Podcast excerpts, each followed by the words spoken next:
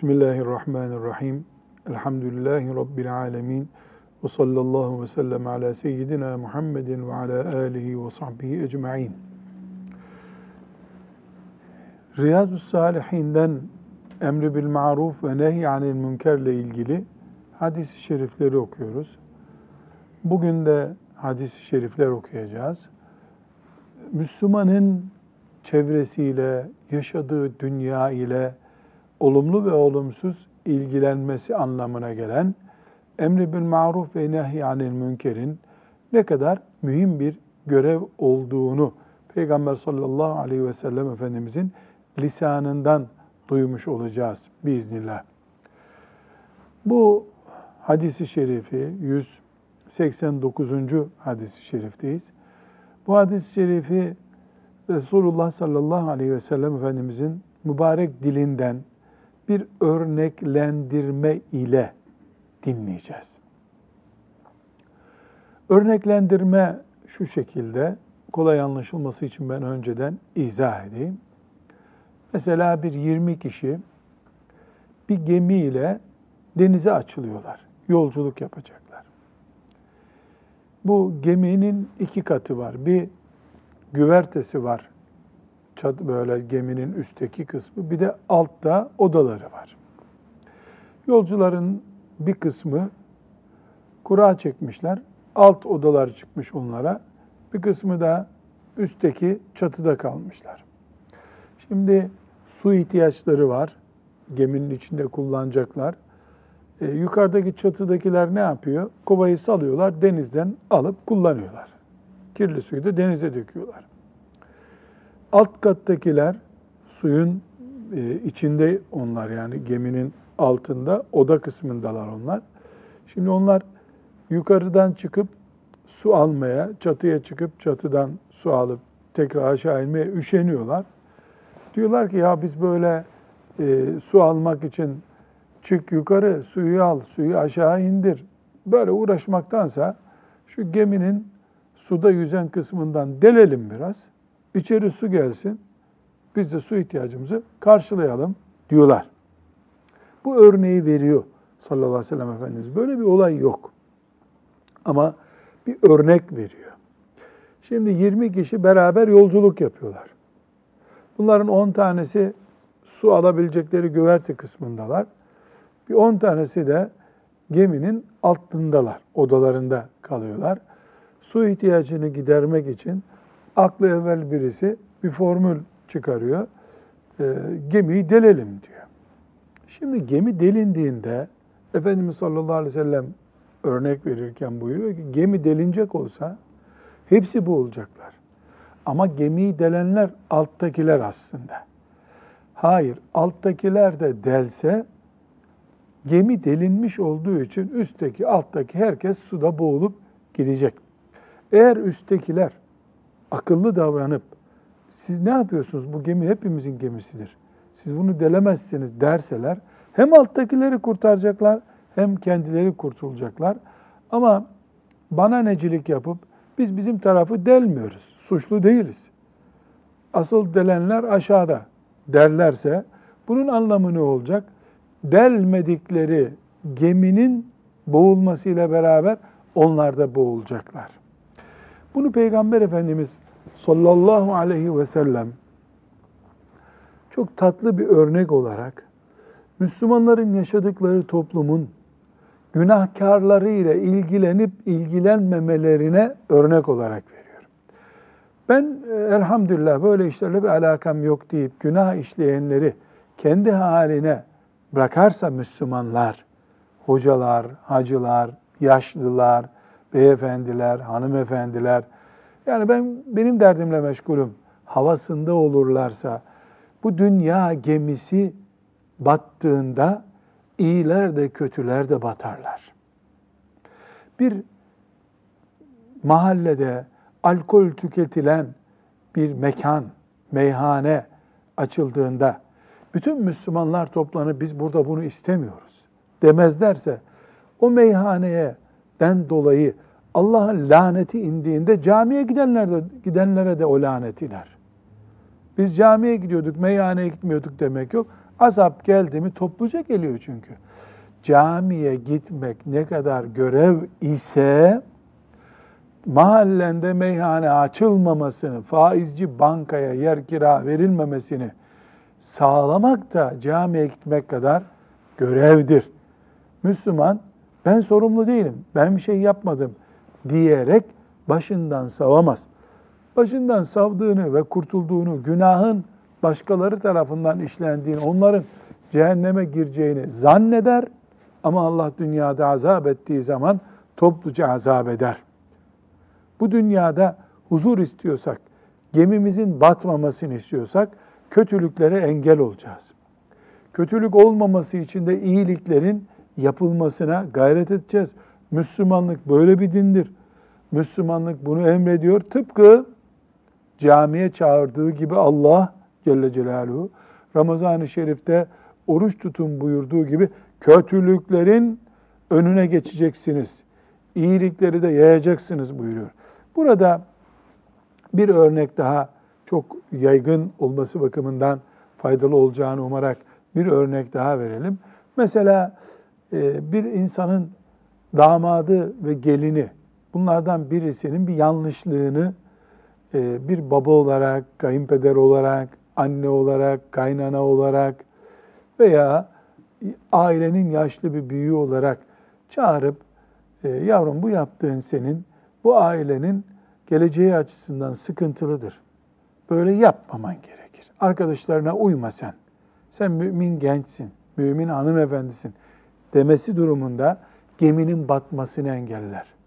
Oradaki gemi nedir? Üç yıllık evlilerin boşanmasıdır. İki tane çocuğun annesiz babasız ayrılmış anne babanın mahkumiyeti altında kalmış olmasıdır. Eğer bugün evlilikler boşanmayla sonuçlanıyor, ailede huzursuzluklar varsa, düğünden önce, nişanda, düğünde, düğünden sonra gençlerin emri bil maruf ve nehyanil münker yapan annelerden, babalardan yoksun bir aile düzeni içerisinde olmalarından kaynaklanıyor. Bugün düzeltilmeyen bir hata yarın boşanmayla sonuçlanıyor. Bugün düzeltilmeyen bir hata yarın terörist olan, eşkıyalık yapan bir delikanlı olarak karşımıza çıkıyor. Bana ne dediğimiz yerde biz büyük bir cinayet işliyoruz. Çünkü bu dünya hepimizin ortak gemisidir. Bu gemi Allah'a isyanla delindiği zaman üstündeki yolcular namaz kılsa da, oruç tutsa da, sakallı da olsa, ihtiyar da olsa, genç de olsa, Mekke'de de yaşasan kesinlikle bu herkesi buluyor. Bir başka örnek hadis-i şerifi iyi anlamamıza yardım etmesi bakımından trafik kuralları Kur'an'da yoktur. Ama trafik kuralı diye bir şey Kur'an'ımızda yok. Peygamber sallallahu aleyhi ve sellem Efendimizin hadisi şeriflerinde trafik kuralları şöyledir, kırmızıda durun, yeşilde geçin diye bir şey yoktur. Hatta fıkıh kitaplarında da bugünkü manada trafik kuralı yoktur. Peki Müslüman bugün araç kullanmanın hayatın bir parçası haline geldiği, neredeyse her evde iki tane arabanın bulunduğu bir zamanda yaşıyor. Bu zamanda Müslüman trafik kuralları ihlal edildiğinde ses çıkarmalı mı? Ya bizim arabamıza çarpmadan gitti deyip kurtulabilir mi? Hayır, hayır. Eğer A ve B, C hangisi ise trafik suçu olan ve trafik açısından tehlike oluşturan bir hataya Müslüman bugün sessiz kalırsa, bu sessizliğin bedeli yarın onun çocuğunun bir arabanın altında kalıp ölmesi, onun da içinde bulunduğu bir otobüsün kaza yapıp ölmesi, sakat kalması olarak sonuçlanır. Bu geminin delinmesine zamanında o sebep olmuştu. Müslümanlar Mekke'de haç yaparken trafik kazası diye bir şey olmalı mı? Olmamalı. Neden olmamalı?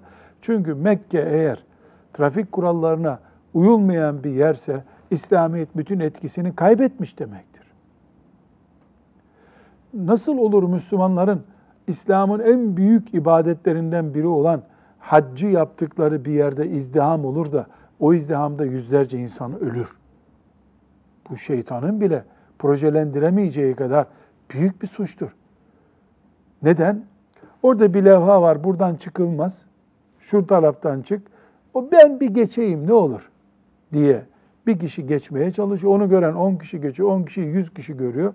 Tersten sıkışınca insanlar birbirlerini eziyorlar. O ben buradan bir geçeyim, bir kişi atlayayım buradan, bir zararı yok diyen bir hata işliyor. Gemiyi deliyordu. Onu gören bütün hacılar bir dakika buradan gitme. Yanlış yapıyorsun. Bütün Müslümanları, bütün hacıları tehlikeye atıyorsun demediler. Herkes gemiyi beraberce deldi. Beraber delinen gemide Mekke'de bile kaza oldu. Mekke'de bile sorun oldu.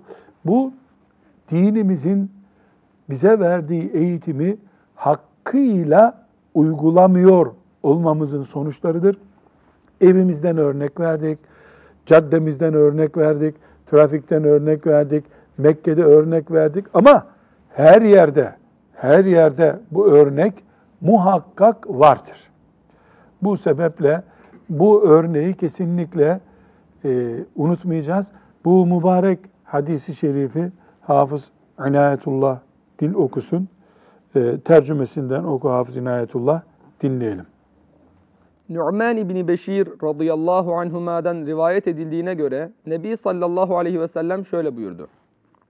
Allah'ın çizdiği sınırları aşmayarak orada duranlarla bu sınırları aşıp ihlal edenler bir gemiye binmek üzere Kur'a çeken topluluğa benzerler.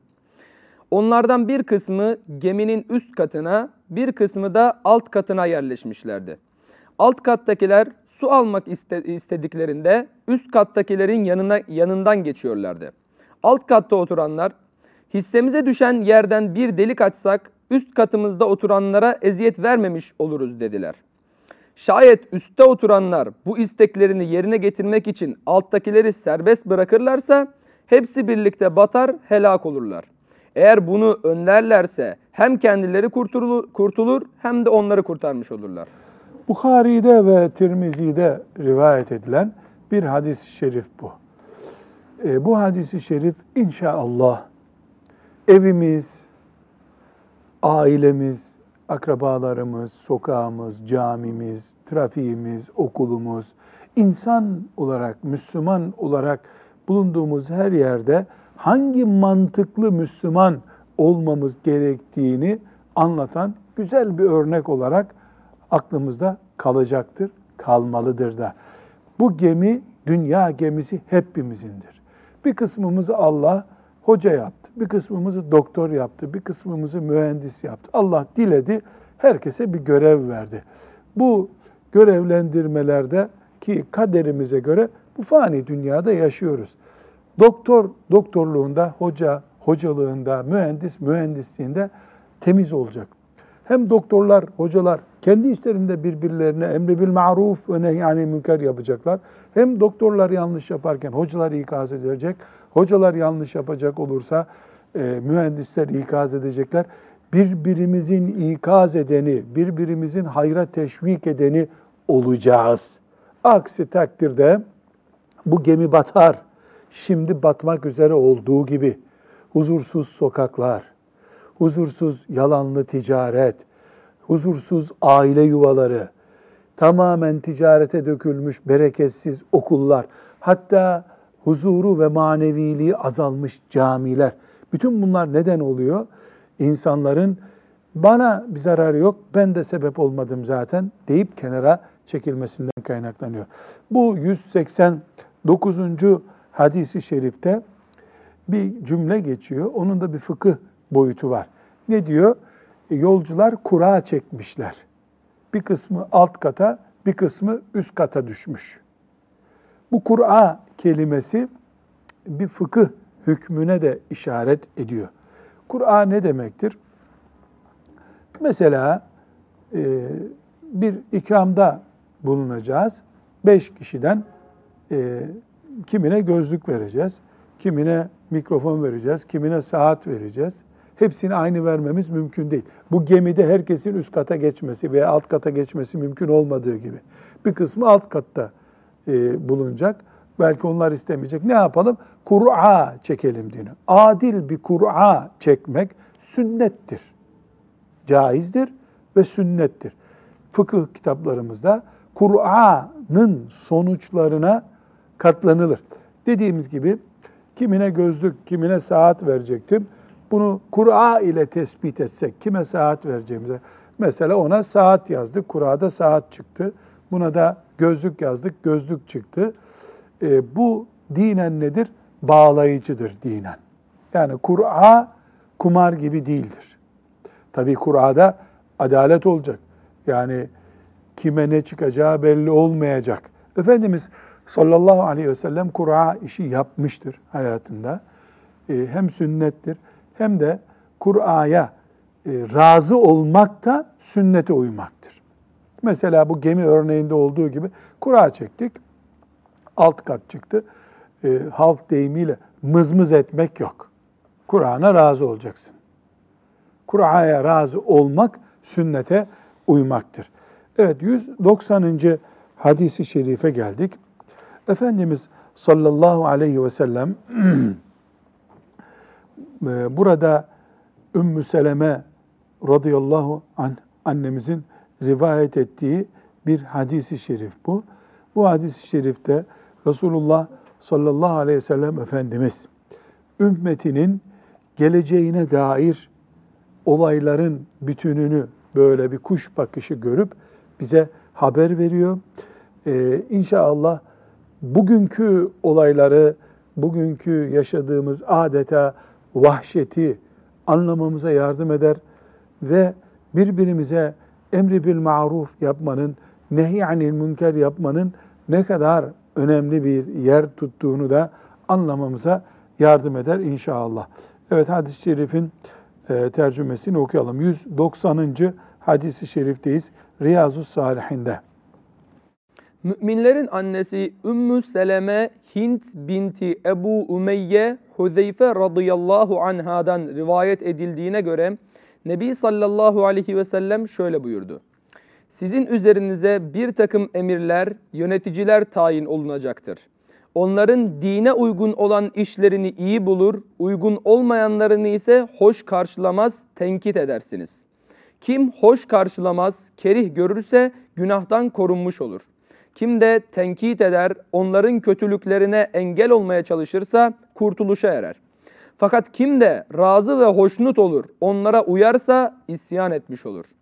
Bunun üzerine sahabe-i kiram, Ya Resulallah, onlarla savaşmayalım mı dediler. Peygamber Efendimiz sallallahu aleyhi ve sellem, aranızda namaz kıldıkları sürece hayır buyurdu. Müslim'in rivayet ettiği bir hadis-i şerif bu. Dolayısıyla sahih Resulullah sallallahu aleyhi ve sellemin mübarek dilinden çıktığına inandığımız bir hadisi şerif bu. Efendimiz sallallahu aleyhi ve sellem kendisinden sonraki dönemde bazı yöneticilerin tayin edileceğini, işte krallar, variler vesaire olacağını haber veriyor.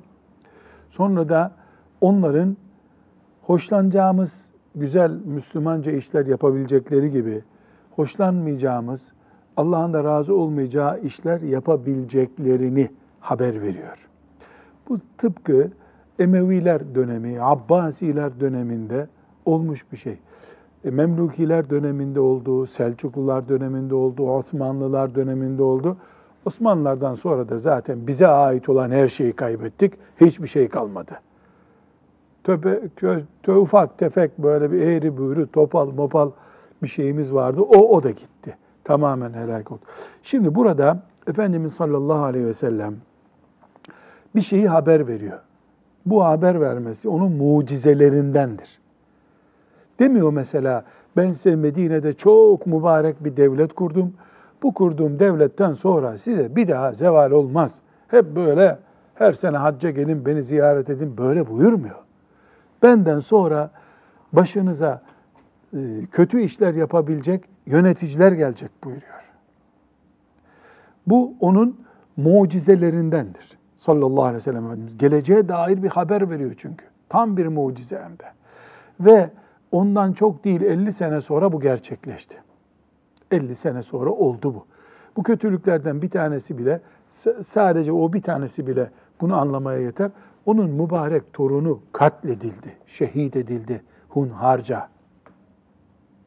Bu bile buyurduğu şeyin ne kadar e, gerçekçi olduğunu anlamamıza yeterli. Şimdi demek ki iki nokta var burada. Birincisi Peygamber Efendimiz sallallahu aleyhi ve sellem'den sonra Müslümanların e, rahatsız olacakları yöneticileri olacak. Bunu haber veriyor. Sonra da Müslümanları üç gruba bölüyor. Üç gruba bölüyor. Hangi açıdan? Bu kötü yönetenlere karşı tavırları açısından. Ne buyuruyor? Onların dine uygun olan işlerini iyi bulur, uygun olmayanlarına karşı e, hoş karşılamaz, tenkit edersiniz diyor. Yani sizin ta, esasen Müslüman olarak beğenmediğiniz bir durum olacak orada. Beğendiğiniz de olacak. Kim hoşlan, hoş karşılamaz, kerih görürse günahtan korunmuş olur. Yani bir grup Müslüman olmaz ya İslamiyet böyle değil. Ben bundan memnun değilim diyor, ileri de gitmiyor. Bu birinci grup Müslüman. Bu Müslümanla ilgili Efendimiz sallallahu aleyhi ve sellem ne buyuruyor? Günahtan kurtuldu buyuruyor.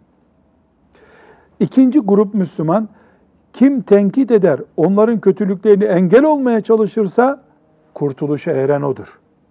Demek ki Allah'ın razı olduğu Müslüman, bu kötü yöneticilere karşı ses çıkaran Müslüman, emri bil maruf ve nehyanil münker yapan Müslüman. Üçüncü grup, fakat kim de razı ve hoşnut olursa, onlara uyarsa isyan etmiş olur. İsyan etmiş olur. İsyan etmek ne demek? Allah'ın razı olmadığı kul olmak demek. Şimdi Emevi dönemini düşünelim. Abbasi dönemini düşünelim. Selçuklu, Memluki, Osmanlı dönemini düşünelim. Şu anda düşünecek bir şey de yok ortada. Layık bir devletin himayesinde yaşıyoruz. Şimdiki şartlarımız bambaşka. Şimdi buna uymuyor. Bizim, bizim adımıza Kur'an referansıyla idare eden idarecilerimiz yok bizim. Başka şartlarda başka türlü idare edilir. Onun hükmü değişik. Bu dönemde valiye, siyasi yöneticiye, kooperatif başkanına, dernek başkanına, kimse yönetici Müslümana ya bu böyle değil, şeriatımıza aykırı bu diyen günahtan kurtuluyor. Çıkıp itiraz eden, olmaz böyle bir şey, Allah'tan korkun, bu böyle değil, Müslümana böyle yapılmaz diyen sevap kazanıyor. Yok canım bu zaman bunu kaldırıyor. Böyle kalsın deyip razı olan Allah'a asi oluyor.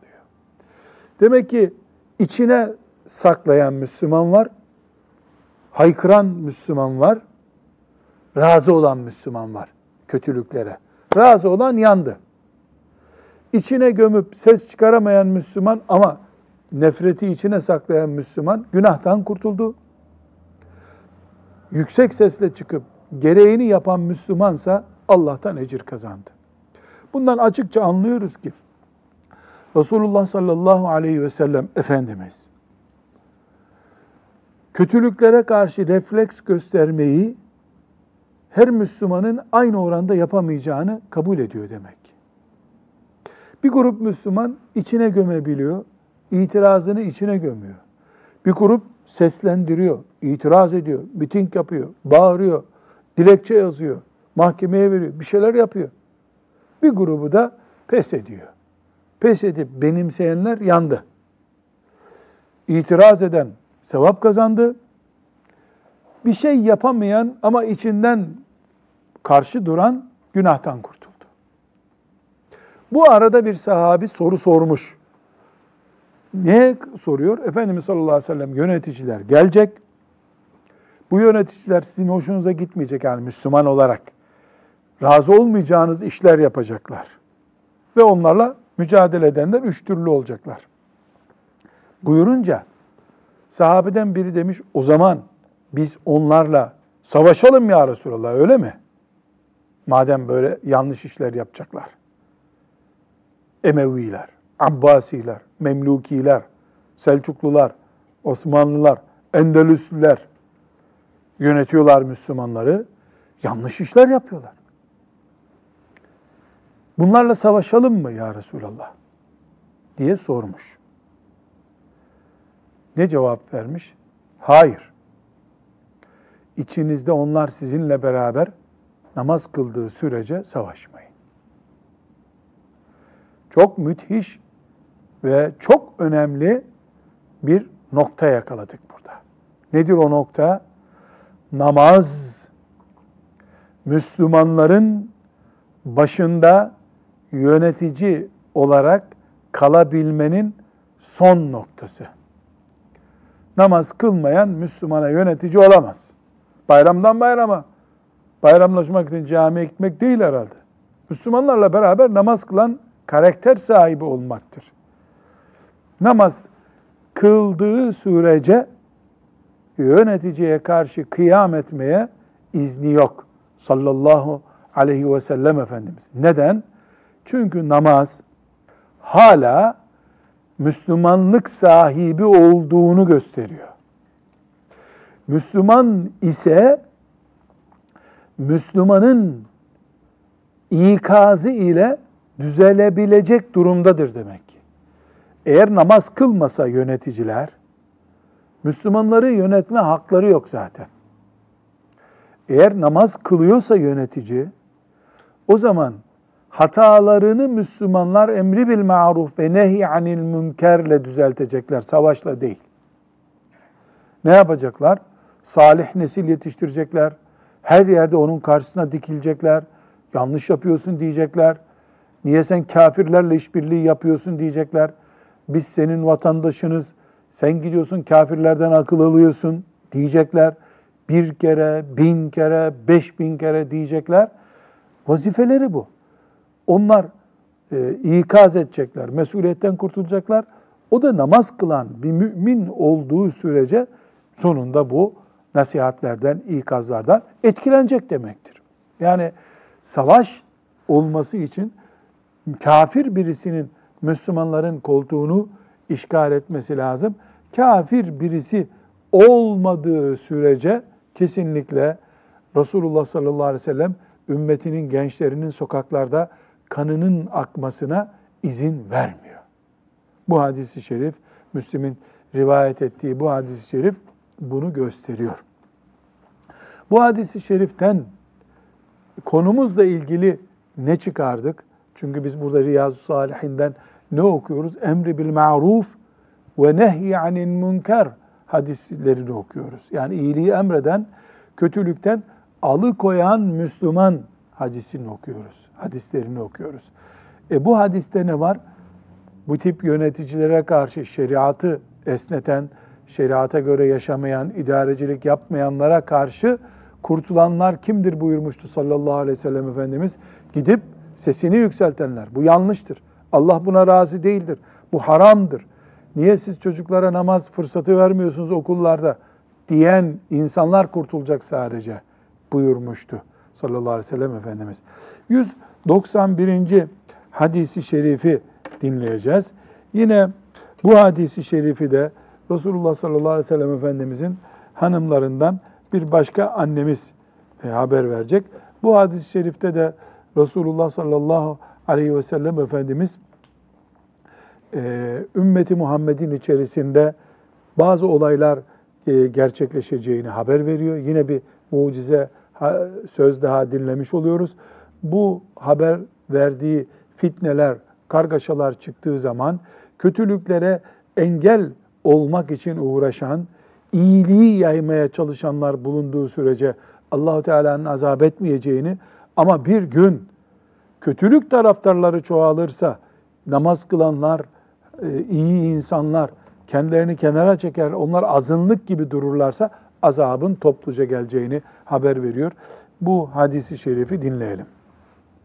Müminlerin annesi Ümmül Hakem Zeynep binti Cahş radıyallahu anhanın anlattığına göre Nebi sallallahu aleyhi ve sellem korkudan titreyerek onun yanına girdi ve Allah'tan başka ilah yoktur. Yaklaşan şerden dolayı vay Arap'ın haline. Bugün Ye'cüc ve Me'cüc'ün seddinden Bugün Ye'cüc ve Me'cüc'ün seddinden şu kadar yer açıldı buyurdu ve baş parmağı ile şehadet parmağını birleştirerek halka yaptı. Bunun üzerine ben ey Allah'ın Resulü içimizde iyiler de olduğu halde helak olur muyuz dedim. Resul-i Ekrem sallallahu aleyhi ve sellem kötülük ve günahlar çoğaldığı vakit evet buyurdu. Evet. Bu hadis-i şerifte Bukhari'de, Müslim'de, Ebu Davud'da, Tirmizi'de, İbn Mace'de rivayet ediliyor. Ee, böyle güneş gibi apaçık bir hadisi şerif. Zeynep binti Cahş radıyallahu anh Efendimiz sallallahu aleyhi ve sellemin hanımı bizim de anamız. Allah şefaatine ermeyi bize müyesser etsin. Ee, bir hatırasını naklediyor. Resulullah sallallahu aleyhi ve sellem korkup ürpererek bir gün odasına gelmiş. La ilahe illallah, la ilahe illallah. Şu yaklaşan fitneden vay Arap'ın haline, vay Arap'ın haline buyurmuş. Yani bir olay haber verecek. O vay Arap'ın haline buyuruyor. Sonra da Ye'cuc Me'cuc diye bir fitne var. O fitneden o haber vermiş. Yani Ye'cuc Me'cuc ümmetin başına gelecek bir fitne. Onlar bir setle engellenmiş durumdalar. O setten parmaklarını şöyle yaparak şu kadar yer açıldı bugün buyurmuş. Şu kadar yer açıldı. Sonra e, bu anamız ya Resulallah demiş. Fitnelerden, tehlikelerden, belalardan söz ediyorsun. E, peki biz iyiler olarak varken, iyiler de varken toplumumuzda e, bu e, helak bizim başımızı gelir bulur mu? Yani biz ibadetimizi yapıyoruz, bir arıza yapmıyoruz. Buyurmuş ki kötüler ve günahlar, kötülükler ve günahkarlar çoğaldığı zaman azap gelir. Çoğaldığı zaman azap gelir. Burada ince ayarlar var. Bir, vay Arap'ın haline diyor. Aslında ümmeti Muhammed Araplardan ibaret değil. Arabı var, Türk'ü var, Kürdü var, Çerkezi var. İnşallah ileride Rus'u var, İngiliz'i var. Ümmet renk renk olacak. Niye vay Arap'ın haline diyor? Evvela İslam'ın başını Araplar çekti. Kıyamete kadar da hep Arap bir peygamberin ümmeti olduğumuz için Araplık hep İslam demek olacak. Dolayısıyla vay Arap'ın haline sözü vay Müslümanların haline demek olacak. Bu sebeple Efendimiz sallallahu aleyhi ve sellem vay Arap'ın haline gelen belalardan, musibetlerden buyurmuş. Yoksa sadece Araplar bela görecek, e, Arap olmayanlar kurtulacak gibi böyle basit bir anlayışa düşemeyiz. İkincisi Ye'cuc ve Me'cuc bir fitne çeşididir. Bir beladır, bir musibettir. İnşallah yeri geldiğinde onun da ne olduğunu izah ederiz. Ama Ye'cuc ve Be'cuc diye bir kitlesel beladan söz etti Efendimiz sallallahu aleyhi ve sellem. Kur'an'ımızda da var zaten bu.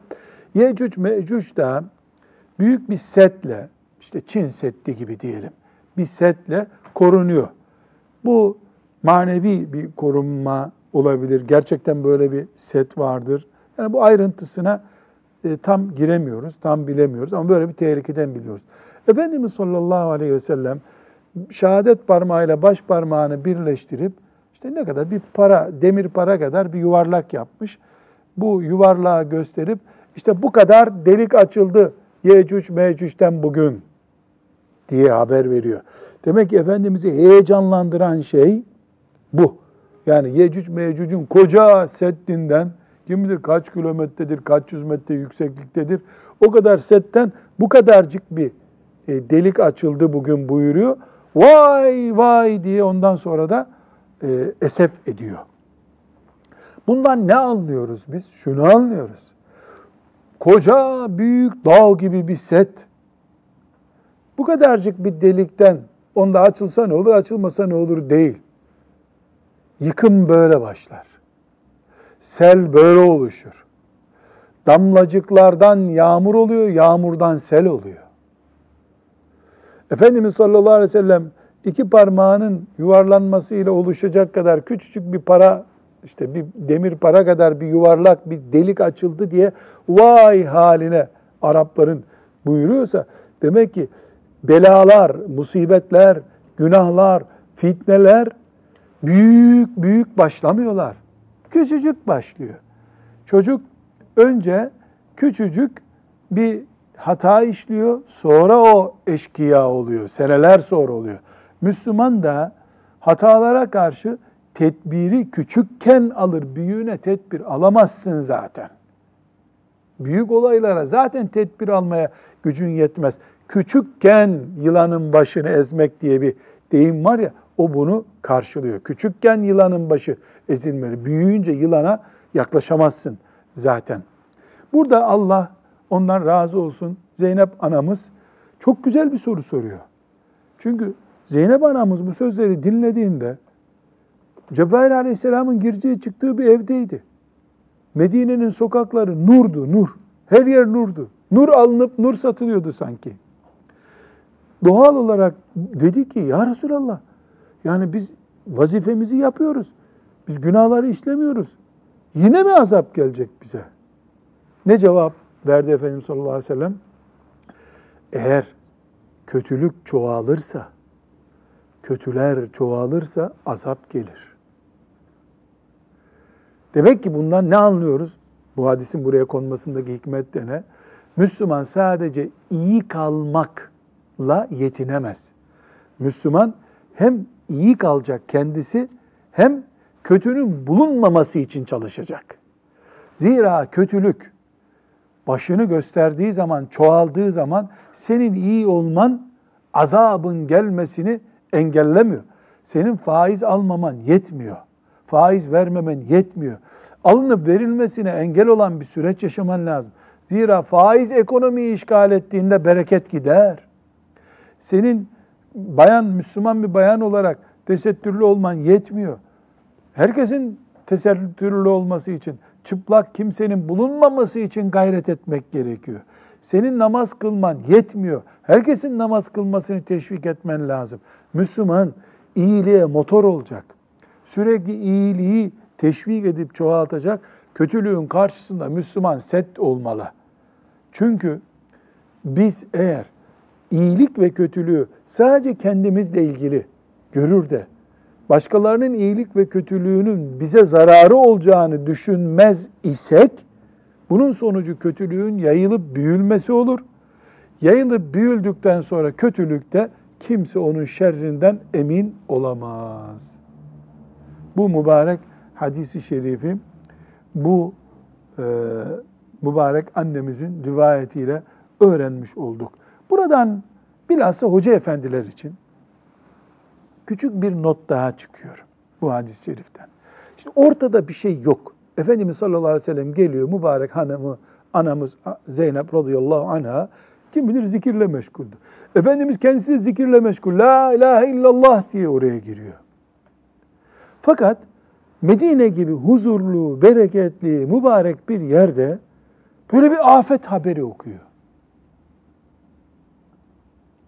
E, rahmeten lil alemin sallallahu aleyhi ve sellem Efendimiz. O Müslüman hoca efendilerin, yazarların, alimlerin, mütefekkirlerin örneği. Sadece cennet vaat ederek, Hristiyanların, Yahudilerin kötülüklerini anlatarak hocalık yapılmıyor. Müstakbel tehlikelerden de hocalar konuşacaklar. Aşırılığa kaçmadan. Yani bir Yecüc Mecüc tehlikesi var. İşte şöyle afet geldi, afetler geliyor deyip umutsuz bırakarak. Yani Müslümanın yüreğini çürütecek kadar değil ama dengeli bir şekilde. Kim bilir sallallahu aleyhi ve sellem Efendimiz bu hadisinden önce de cennet dallarından bir tanesini uzatmıştı bir başka sahabiye. Yani kanser diye insanların e, yaşarken öldürülmesi de yanlış. Kanser hiç yokmuş gibi insanları salmak da yanlış. Bunun ortası bulunabilir. Muhtemel tehlikeler var.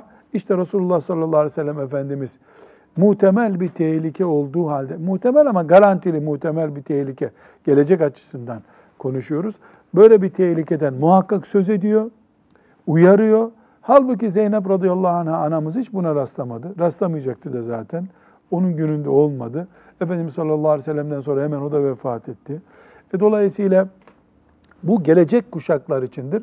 Gelecek kuşakları aleyhissalatü vesselam Efendimiz ikaz etti. Hocalık da böyle olmalı. Sürekli böyle cicilik, tatlılık, hoşluk pompalayarak olmuyor. Tehlikeden de haberdar etmek gerekiyor. Bunu bu hadis-i şeriften görüyoruz. Ve sallallahu ve sellem ala seyyidina Muhammedin ve ala alihi ve sahbihi ecma'in velhamdülillahi rabbil alemin.